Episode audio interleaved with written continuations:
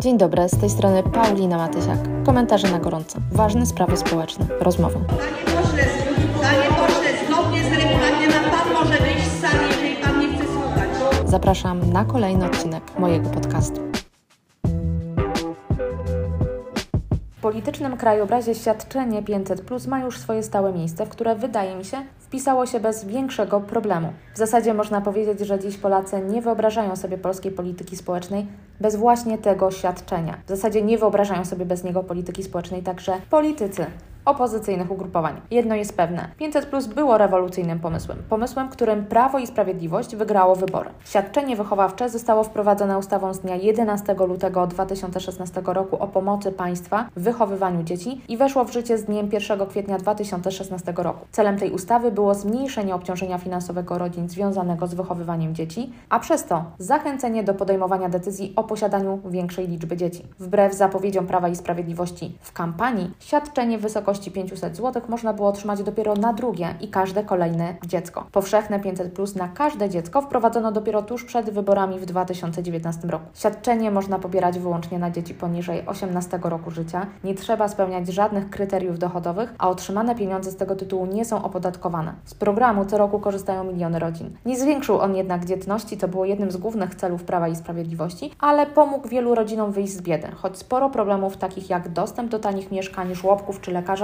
wciąż nie zostały rozwiązane, ale to już tematy na osobne odcinki. Niemniej 500, 1000 czy 1500 zł w zależności od liczby dzieci dawało naprawdę dużo możliwości. Niestety tuż po wprowadzeniu programu na jego beneficjentów, zwłaszcza tych uboższych, wylała się fala hejtu, że wszystko przepijają, że kupują sobie drogie sprzęty albo że mają wręcz czelność pojechać na wakacje nad morze. Były to komentarze pełne nieuzasadnionej nienawiści. Liberałowie straszyli nawet przed wejściem w życie programu, że ludzie zmarnują te środki, że przestaną pracować, że budżet państwa tego na pewno nie zniesie. Przenieśmy się zresztą te kilka lat wstecz i posłuchajmy wypowiedzi polityków, którym program 500 Plus wtedy bardzo się nie podobał. Katarzyna Lubnauer podczas sejmowej debaty w 2016 roku mówiła: Czym jest program 500, który proponuje Prawo i Sprawiedliwość?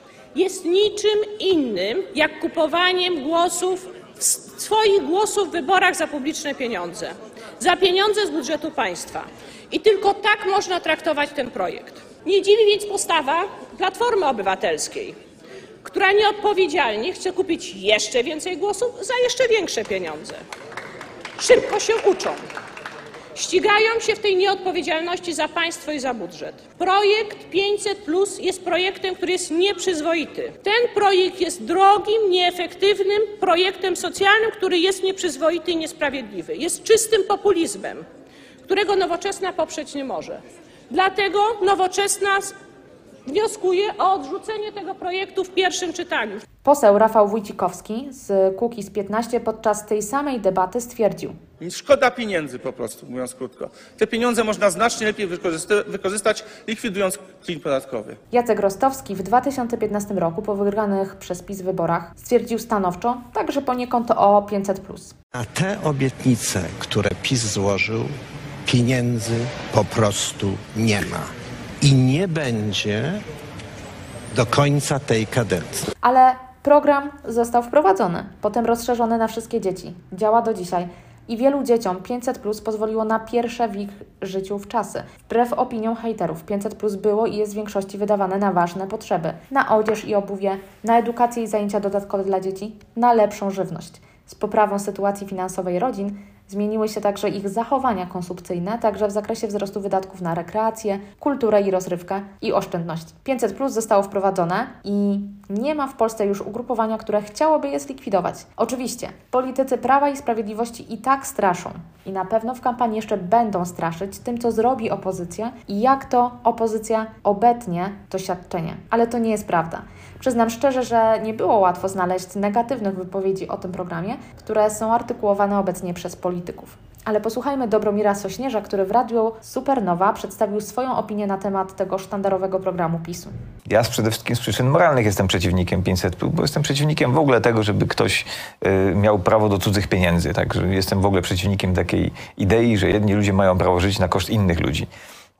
To jest, to jest y, idea z gruntu zła no, sprawdza się y, do tego, że tych ludzi przekupujemy ich własnymi pieniędzmi tak naprawdę, no bo to oni sami w podatkach finansują te, mm, te, te świadczenia. Te opowieści o kupowaniu głosów, wprowadzeniem kolejnych programów socjalnych są tak naprawdę coraz rzadsze. I tak jak mówiłam, nikt ręki na 500 plus nie podniesie. Zresztą sam program jest już postrzegany jako stały element systemu wsparcia społecznego. Nie myślimy o nim jako pomocy dla najuboższych, ale raczej jako potrzebnym wsparciu, które po prostu należy się rodzinom wychowującym dzieci. Przyjrzyjmy się więc wypowiedziom innych polityków opozycji. W trakcie kampanii prezydenckiej pierwsza kandydatka Platformy Obywatelskiej na to stanowisko, na ten urząd, Małgorzata Kidawa-Błońska, mówiła w 2020 roku wprost. I zapewniam, nic co dane nie będzie odebrane. Podobne wypowiedzi polityków pojawiały się wcześniej. Mówił tak Grzegorz Schetyna w audycji w RMFFM w 2017 roku. Bo nie zlikwidujemy tego programu, bardzo wyraźnie o tym mówię. ostatnie Otrzymamy, utrzymamy 500, rozszerzymy go. W tym samym roku w Radio Tok FM w podobne tony uderzał lider Polskiego Stronnictwa Ludowego Władysław Kosiniak-Kamysz. Ja jestem za 500.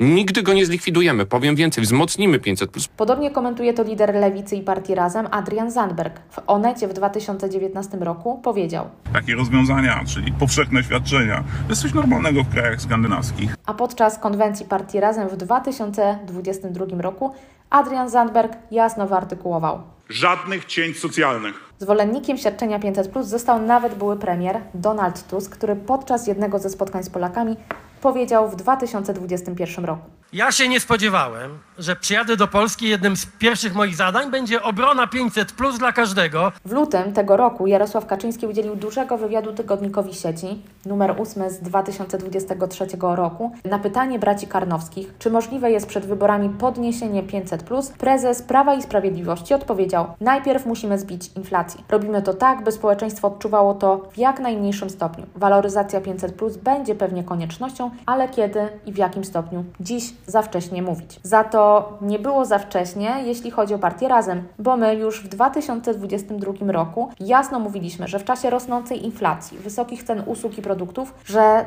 to świadczenie należy podnieść, że wartość tego świadczenia spada. O tym mówił w czasie konferencji prasowej ówczesny członek zarządu krajowego Maciej Szlinder. Domagamy się e, podniesienia kwoty świadczenia wychowawczego 500 do 700 zł od lipca bieżącego roku, a także e, wprowadzenia automatycznego mechanizmu waloryzacji tego świadczenia o wskaźnik inflacji co roku. E, Gdyby taki mechanizm funkcjonował e, do tej pory, to już w zeszłym miesiącu nie otrzymywałyby polskie rodziny 500 zł na dziecko, ale ponad 650 zł. Jako partia Razem uważamy, że e, taka waloryzacja jest konieczna. To świadczenie zresztą uznajemy, że ono jest pewnym przełomową decyzją, pewną zmianą, pewnym krokiem w polityce społecznej i w systemie świadczeń, ale niestety z uwagi na to, że ono jest niewaloryzowane, jego wartość nabywcza stanowczo spada. Jeżeli nie chcemy, żeby polskie dzieci były ubogie, jeżeli nie chcemy, żeby popadały w biedę, e, to konieczne jest utrzymywanie właśnie tego typu e, świadczeń powszechnych, ale także ich regularna waloryzacja.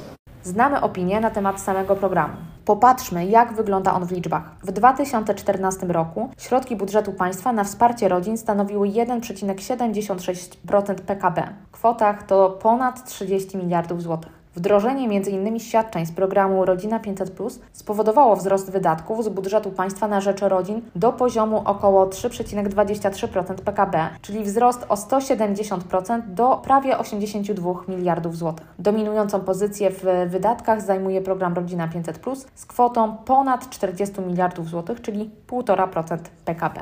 Wprowadzenie programu miało zachęcać Polaków do podejmowania decyzji o kolejnym dziecku. Ten aspekt był początkowo mocno podkreślany, pojawiały się nawet szacunki o 278 tysiącach urodzeń w ciągu 10 lat. Po kilku latach programu życie zweryfikowało te bardzo optymistyczne założenia. W broszurze wydanej przez Ministerstwo Rodziny i Polityki Społecznej zresztą wprost napisano: Liczba urodzeń w Polsce będzie w najbliższych latach spadała, a efektem wprowadzenia świadczenia wychowawczego będzie przede wszystkim to, że ten spadek nie będzie tak silny. Dzieci nie rodzi się więcej, ale polskie rodziny czują się bezpieczniej i stabilniej. Ten program niweluje po prostu ubóstwo. Mówił o tym w jednej z audycji w Radio Supernowa Maciej Szlinder. Jest to zdecydowanie jedno z tych świadczeń, jedno z tych programów, które nie tylko cieszy się największą popularnością, ale ma też naj, e, korzystniejsze skutki i społeczne. E, Ono bardzo istotnie wpłynęło na przykład na zmniejszenie poziomu ubóstwa, szczególnie ubóstwa skrajnego, szczególnie ubóstwa skrajnego dzieci. E, Także wpłynęło na e, rozkręcenie gospodarki po jego wprowadzeniu, także z pewnością jest to dobry kierunek, natomiast no, należy oczywiście regularnie to, to świadczenie waloryzować i to automatycznie, to znaczy nie wtedy, kiedy właśnie rządowi się zachce zrobić przed wyborami większą podwyżkę, tylko po prostu co roku waloryzować o wskaźnik inflacji. Wtedy to byłoby sprawiedliwe, byłoby sensowne, utrzymywałoby e, świadczenie e, no, swoją właśnie siłę nabywczą, spełniało swoją funkcję. No i cóż, czy 500 plus doczeka waloryzacji? Pewnie tak. Pytanie tylko kiedy. A ty, co sądzisz o 500 plus? Czy należy to świadczenie waloryzować? Na to pytanie możesz odpowiedzieć w aplikacji Spotify lub po prostu napisać do mnie w mediach społecznościowych czy wysłać maila. A ja przy okazji proszę jak zawsze o wystawienie oceny podcastowi, bo dzięki temu więcej osób może się o nim dowiedzieć. Dzięki.